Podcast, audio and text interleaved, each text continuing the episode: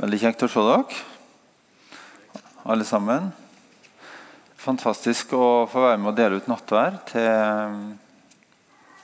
i ei og ei hånd. Det, det, det, er flott. Eh, jeg skal ha en litt, litt sånn eh, bibelundervisning, tenkte jeg, eh, i dag. Fordi to det er to store fortellinger i Bibelen som er knytta til påsken. I dag feirer vi jo egentlig palmesøndag. Og Det var når Jesus triumferte, toga inn i Jerusalem til stor jubel. Eh, noen dager før han skulle bli tatt til fange og korsfesta. Eh, men ettersom Så jeg tenkte litt Kanskje påskehøytiden blir litt sånn eh, dødtid òg, for en del. Sånn eh, eh, kirkelig. Eh, så tenkte jeg vi kunne ta litt hele, på hele påskebudskapet.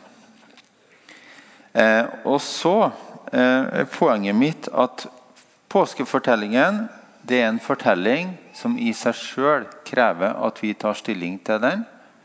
Og det å ikke ta stilling til den er òg et valg. Vi har et lite hopp da skal vi få et bilde på skjermen.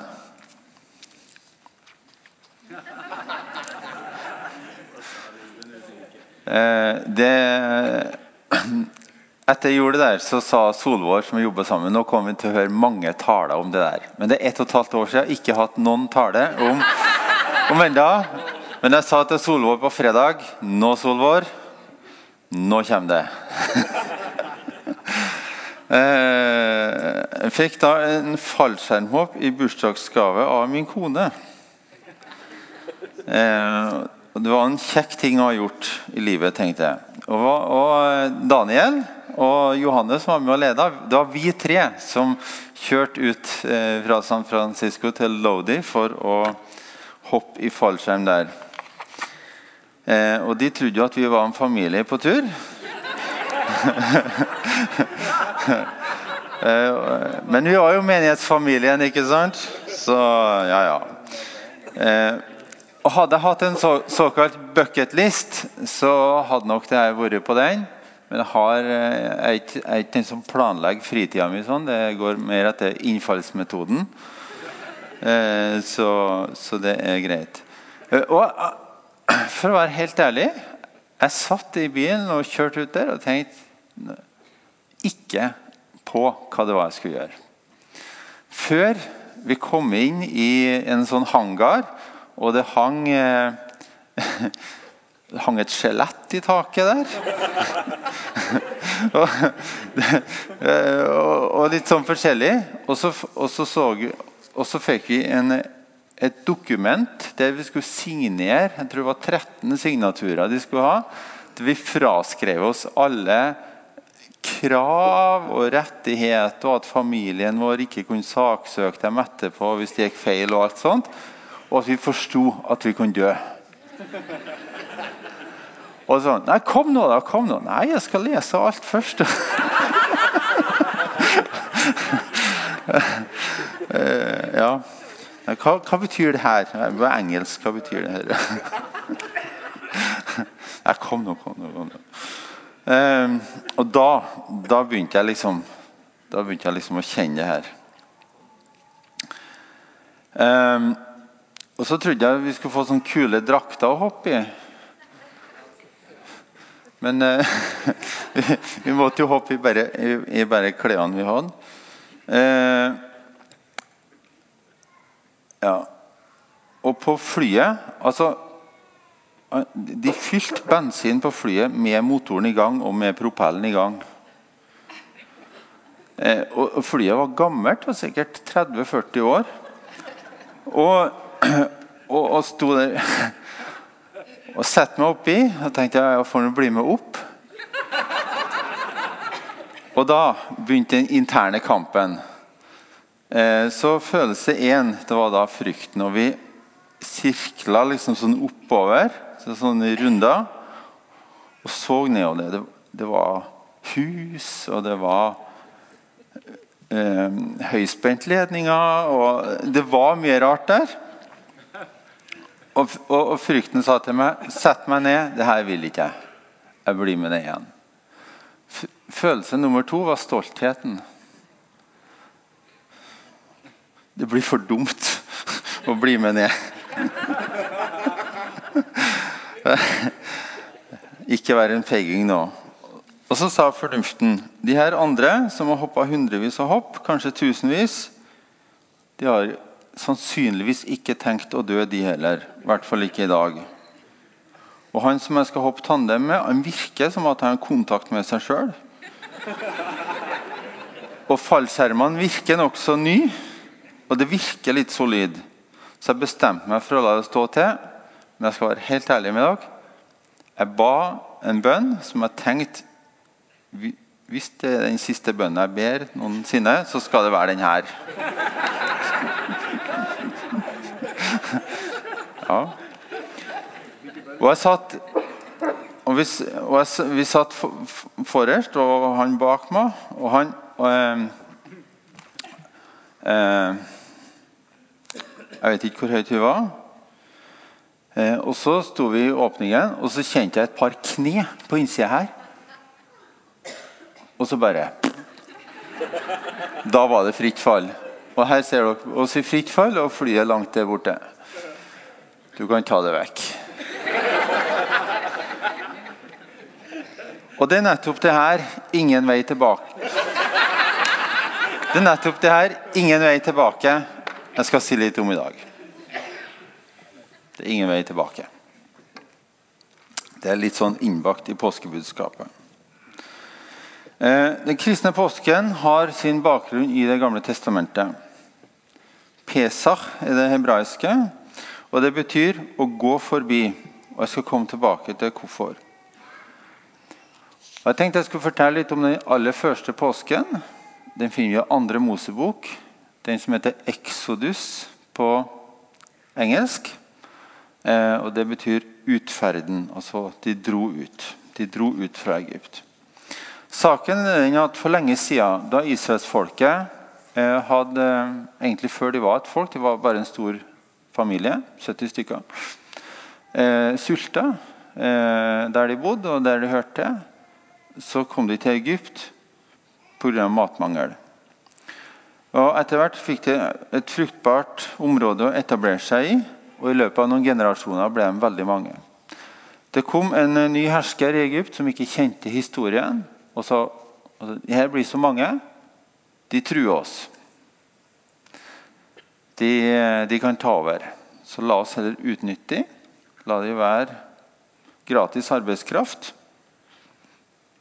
Så de påla dem tvangsarbeid. Og når det ikke hjalp, så beslutta de at alle førstefødte guttebarn skulle kastes i Nilen. Eh, nå, og nå tenkte ikke jeg å ta hele historien med Moses, men han ble på sett og vis kasta i Nilen, han òg. Bare at det var ei korg imellom, så han liksom landa i korga. Eh, så han lå der. Eh, og han ble tatt opp av en eh, prinsesse. Eh, Moses betyr 'den som er tatt opp av vannet'. Det er det navnet hans betyr. Eh, og Han ble tatt opp, og han ble dratt opp, oppdratt, eh, på kongens slott. Eh, og fikk datidas beste utdanning. Før han som 40-åring 40 slo i hjel en egypter og måtte flykte unna straff. Så Han flykta ut i ørkenen. Etter en del år i ørkenen så møter Gud han og sa du skal tilbake og skal du lede ditt folk ut av slaveri, ut av fangenskap. Eh, og Når Jesus refererer til Det gamle testamentet, sier han Moses. Har dere ikke hørt Moses? sier han. Så Moses er den o store leder i Det gamle testamentet. Og påskefortellingen er den o store fortellingen. Du, en god del av salmene som handler om Guds trofasthet, viser tilbake til utfallet i Egypt. Gud var med da. Det er et bevis på han er med nå. Han var trofast. Han skal vise en vei. Eh, og så feira de påsken hvert år. Eh,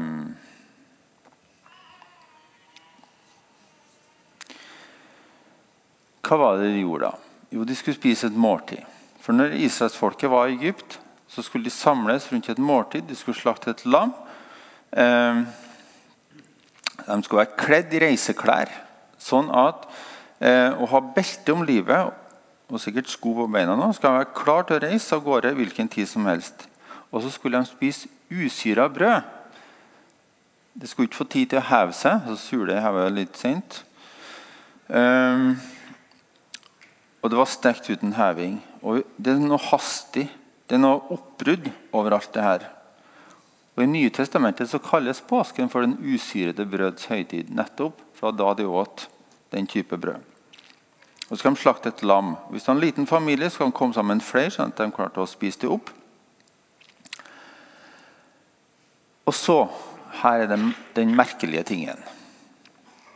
Blodet fra lammet skulle de ta og stryke på dørkarmene på ytterdøra si. Og når dødsengelen så det, så skulle han gå forbi og ikke drepe den førstefødte. Så ordet Pesach som vårt påske kommer fra, det betyr å gå forbi. Det betyr forbigang. For da går dødsengelen forbi. For Når de hørte skriket av alle førstefødte som døde, så skulle de reise seg, gå fra bordene, ut i ørkenen. Skal bare gå ifra det. I alt kaoset. De var reiseklar, de var overlevende. For dødsengelen hadde gått forbi og hadde ikke gjort dem noen ting. De var frelst. Og Jeg tenkte på mange ganger den merkelige, merkelige, merkelige tingen som de skulle gjøre. Stryk blod på dørkarmene. Var det en vanskelig ting å gjøre, eller var det lett? Altså, Det er jo ikke sikkert de hadde en pensel. Kanskje de kunne bruke en klut? Eller bare fingrene? Jeg vet ikke helt. Jeg finner ingen bedre forklaring enn at det er en troshandling. At det er en lett ting Gud ber deg gjøre, men det er vanskelig fordi det virker absurd.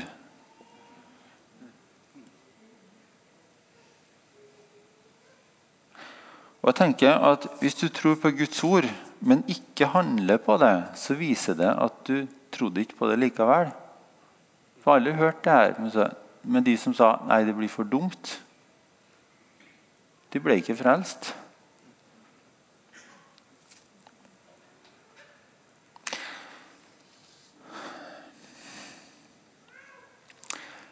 Ehm, det å ikke velge å følge Guds ord er faktisk en aktiv handling.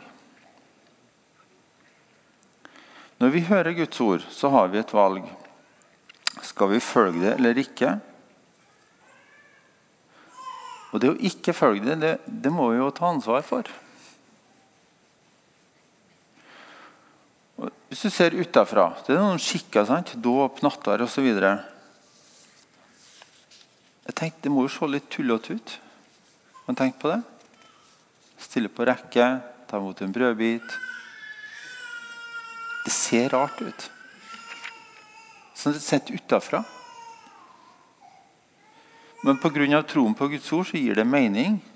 Ja, mer enn mening. Det gir liv.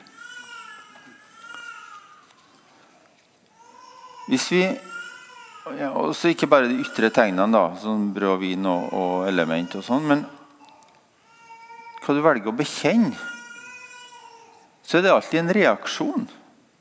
Det er en respons på Guds ord til oss. Vi kan ikke av oss sjøl, ut av ingenting, begynne å tro på Jesus. Det er han som kommer til oss, og så er det vår reaksjon. Men når Guds ord kommer til oss, så må vi ta stilling. En av mine venner fra uh, misjonærtida i Bolivia, han heter Carlos, han har ingen foreldre eller søsken eller storfamilie som var det vi kan kalle for aktivt bekjennende kristne. Um, han, han ble jo uh, Han begynte å gå i kirka pga. ei jente. da. Um, men hun sa på et tidspunkt at uh, 'jeg tror på Jesus'. Og uh, hvis det skal bli noe mellom oss, så Så må du ha Jesus. Eh, men så det gjorde at han begynte å være med litt, da.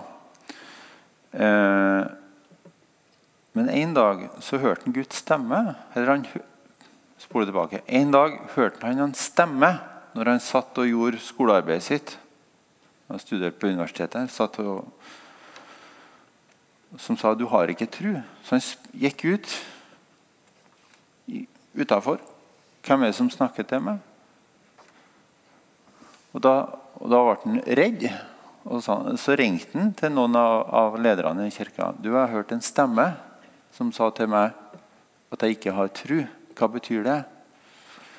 Da sa han eh, eh lederen at eh, det betyr vel at du ikke har tro? Sånn, ja, men hvordan får jeg tro? For det var jo blitt viktig for han. Jo, det får du ved å høre Guds ord. Og Da begynte han altså helt bokstavelig å lese Guds ord høyt for seg sjøl, så han skulle høre det.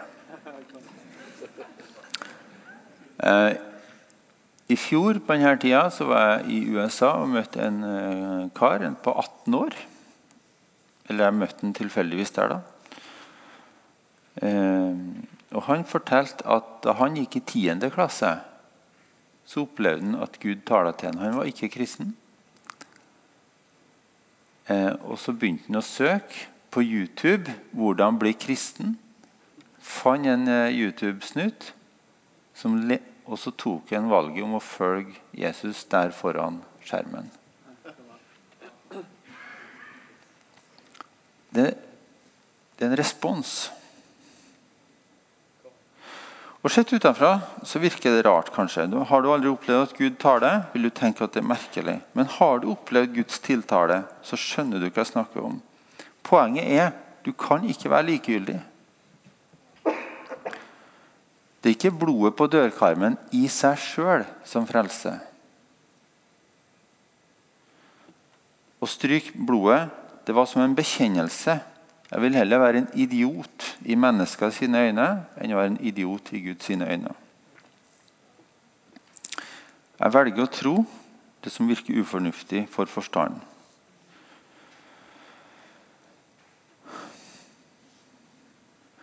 Av og til så tenker jeg kanskje vi skal prøve å imponere Gud ved å gjøre noe som er vanskelig for han.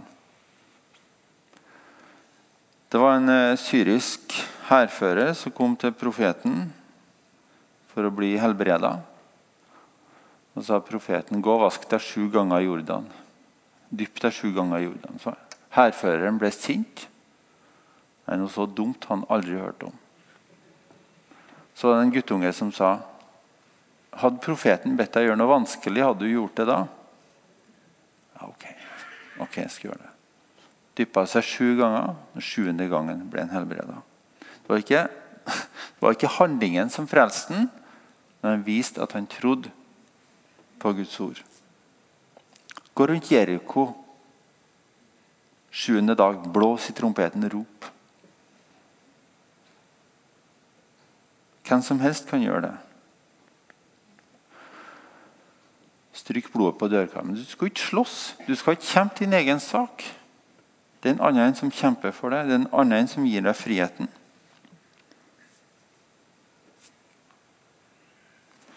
Du skal ikke ta hevn, du skal ikke kjempe, du skal tro.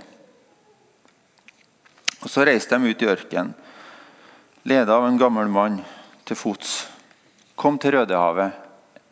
Egypterne hadde fått samla seg. Hva er det som skjer? Sett ut etter dem. Så har du strandkanten foran, hæren bak deg. Fristelsen. Vi går tilbake. Vi går tilbake til ufriheten. For at Riktignok var vi ufri, men vi visste hva vi hadde. Og Det tror jeg er en del som begynner på kristenlivet. De tenker at eh, det er litt krevende å forholde seg til friheten, som Jesus sier. For at det er noen skritt ut i det ukjente. Kanskje er det bedre å trekke seg tilbake.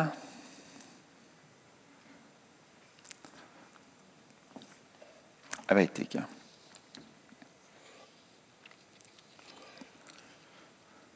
Moses trekker ut staven, sjøen deler seg. De har på nytt et valg. Skal vi gå nedi her? Eller skal vi bli med tilbake til Egypt? Jeg ser at bunnen er tørr. Vann står som vegg på sidene. Men jeg kan jo dø nedi der. Det er farlig. Hvorfor har vi eh, denne påskehistorien i Bibelen? Jo, For det første tror jeg at den er sann. Jeg tror det. Eh, jeg tror på en Gud som handler i historien med sitt folk, og som viser seg for oss gjennom historien. Vi leser om ordentlige folk som hadde ordentlige kropper, som hadde ordentlige problemer, og som hadde en ordentlig Gud. Og de tok ordentlige valg. Det kan vi lære av. La oss si at du har tatt valget om å følge Jesus. Du har tatt imot friheten. Du er ingen slave lenger. Du har håp, du har framtid.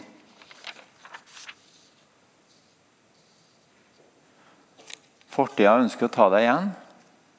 Gamle vaner, gamle uvaner. Gamle laster, gammel tvil, gammel synd. Og det kommer fort. Det kommer når du ikke venter deg. Ikke glem at du har et valg. Ikke glem at Gud sier 'gå', eller 'kom', kanskje. Kom til Han. Ja, men jeg ser ikke veien. Nei, det kan så være. Men Gud lager veier der det ikke finnes veier. Og mange, også folk som jeg kjenner her, har en erfaring at den veien den åpner seg ikke før du begynner å gå på den. Det er når du begynner å gå på den veien, at den åpner seg. Nå skal vi forflytte oss en del århundrer, og så kommer vi til Jesus. Og Nå har vi skjønt at påskehøytiden er ikke tilfeldig valgt. Egentlig er hele påskefortellingen i gamle testamentet en eneste stor profeti om Jesus og hans død på korset. Jesus er den førstefødte som måtte. Han er lammet som blir slakta. Det er blodet til Jesus som renner nedover korset. Og det er Jesus som er døren. Han sier 'Jeg er døren'. Han er døren inn til livet. Han er døra med blod på. Og Når Jesus dør på korset, så frir han oss ut fra vårt slaveri. Nemlig synd, skyld, skam, andre former for ufrihet. Vi har ikke kraft til å fri oss ut sjøl. Vi har ikke kraft til å forandre oss i oss sjøl. Men vi har et valg. Og fortellingen om korset er en fortelling som krever at vi hopper i det, så å si. Skal vi si ja til Jesus, må vi gjøre det uten å kjenne han fullt ut. Vi kan ikke ha full oversikt over hva kristenlivet byr på, før vi eventuelt sier ja til Jesus. Og Her er vi tilbake til fallskjermhoppingen min, da. altså tandemhopp. For det viser seg det at han som dytter Nei, nei, nei. nei, nei. Det, det viser seg det at han som dytta meg ut av flyet, også var min frelser. Eh, han sa til meg du får ikke så mye brifing. Jeg forteller deg bare det du trenger å vite. Hvis du får for mye informasjon, blir du forvirra. Så bare lytt godt til det jeg sier, og så gjør du det jeg sier. Når jeg sier 'spre ut med armene', så spre ut med armene. Når jeg sier 'bøy knærne', så bøy knærne. Men jeg sier det etter hvert. Ok.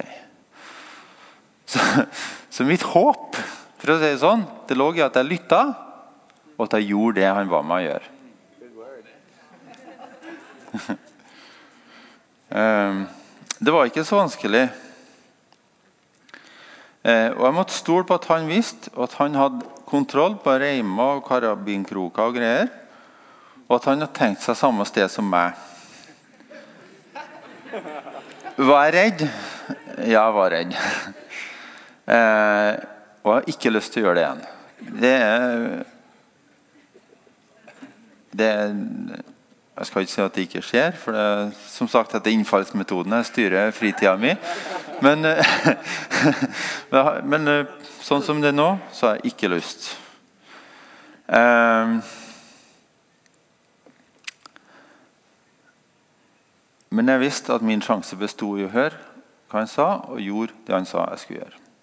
Påska handler om livet, døden og evigheten. Livet har vi ikke valgt sjøl.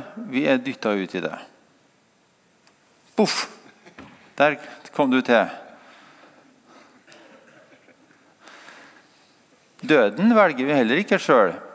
Rent statistisk kan jeg jo påvirke levetida mi med å uh, ta tran og sandasol hver måned, morgen.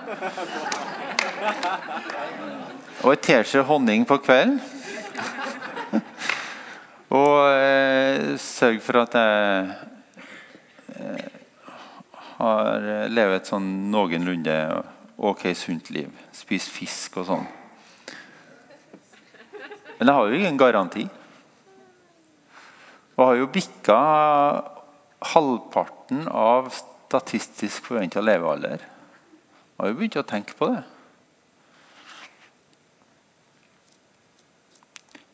Så kan, så, men døden i seg sjøl velger jeg ikke. Men evigheten kan jeg faktisk bestemme meg for.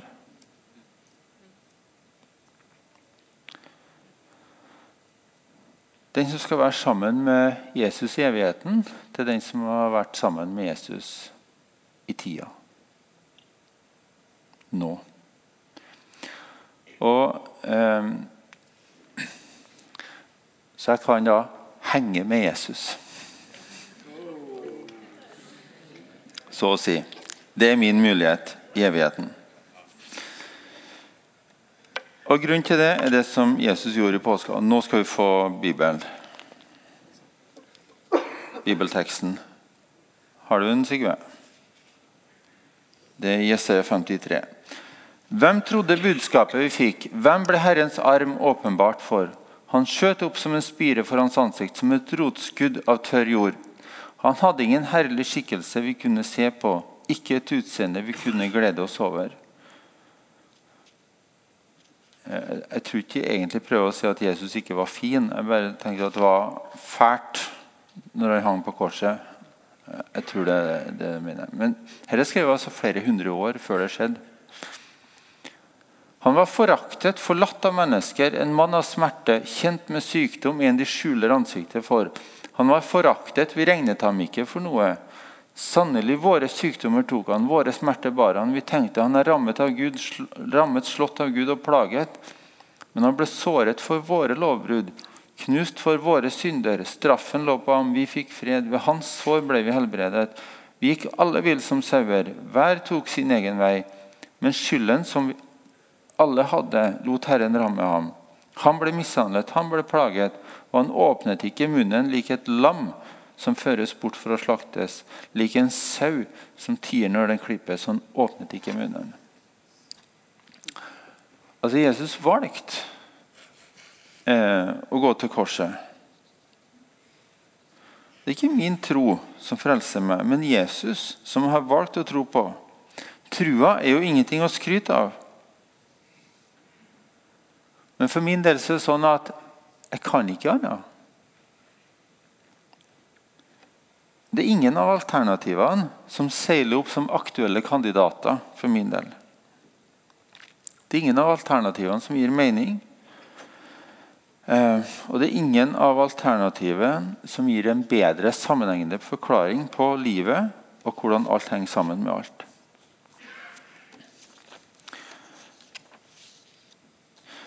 Noe av det som plager meg, og her kommer et lite hjertesukk Noe av det som plager meg, det er å se hvordan en del tilsynelatende stødige kristne plutselig switcher helt over.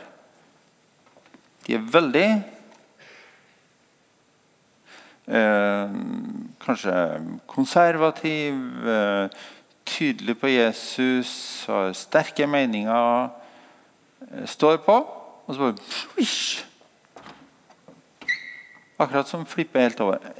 Er det bare jeg som legger merke til at det skjer av og til? Det nikkes i salen. Og jeg lurte på hva handler det om. Nå skal jeg ikke si at jeg har forska ordentlig på det, da, men jeg kaster ut en idé, så kan dere forske litt på det. Eh, og Det som er inntrykket mitt, det er at en del bygger valget på å satse på Jesus på én bestemt tankerekke eller én bestemt årsak eller én bestemt erfaring eller én bestemt argumentasjon. Og Hvis da én brikke av den rekka detter ut, så raser hele rekka. Det kan være et bønnesvar de fikk, og når bønnesvaret uteblir, ja, det var bare en tilfeldighet. Det kan være erfaring av Guds nærvær, men når det uteblir, så blir det tørt. Det kan være en sånn um, logisk, filosofisk tankerekke som er bygd opp sånn og sånn og sånn. Og du sier ja, men det, det var kanskje ikke helt riktig. Så bare raser hele. Eller eller hva nå enn måtte være. Eh, noen sier til meg at f.eks. Ja, uten eh, uh, Uten seksdagersskapelsen på sånn ung jord-kreasjonisme, uh, så kan ikke jeg tro på Jesus.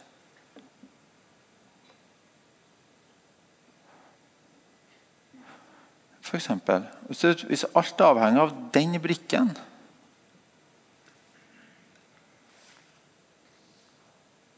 så blir det troskrise.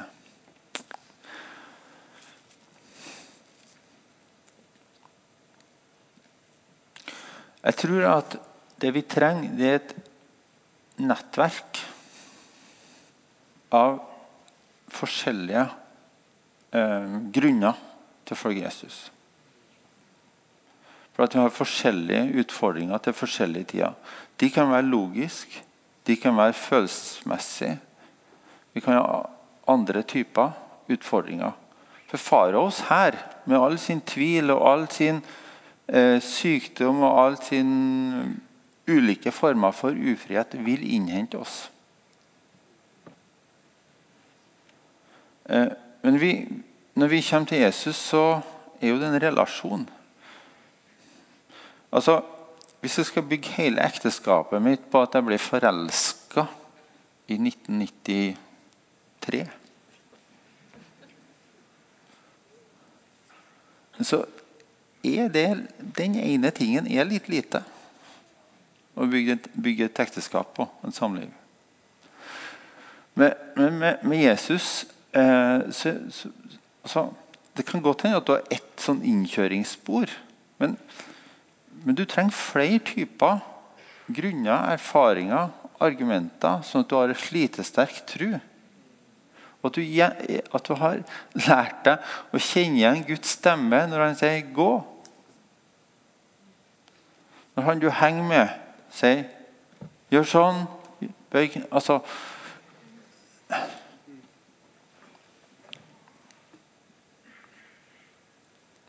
det å, ta, det å Det å ta, være en etterfølger av Jesus, det å bli leda inn i det ukjente og det å ta nye skritt hver dag. Jesus er veien, sannheten og livet. Men la oss ikke bare ha én karabinkrok. Det er mange festepunkter. Sånn at hvis noe ryker, så holder det likevel. trenger et nettverk av erfaringer, argumenter, vitnesbyrd sammen med Guds ord, Den hellige ånd. Så får du en slitesterk tro og et troverdig vitnesbyrd som tåler en vinterdag og to. Og I tillegg så blir du en mer interessant samtalepartner. Påskefortellingen folkens, det er hovedsak og sentrum i Bibelen. At Jesus, Guds sønn, dør på vegne av hele menneskeheten for å sone verdens synd, skyld og skam, for å bringe forsoning og tilgivelse, fred, håp, nytt liv og evig liv. Oppstandelsen på en tredje dag bekrefter at Jesus virkelig var den han ga seg ut for å være. og at det han gjorde og sa, var sant. Og Dermed står vi tilbake med valget. Jeg vet i alle fall at han har valgt deg først. Hvis vi elsker, så er det fordi at han elsker oss først. Og ingen har større kjærlighet enn den som gir sitt liv for sine venner. Da Jesus hang på korset, så var det for at han sa ja til oss. Si ja til Jesus. Si ja.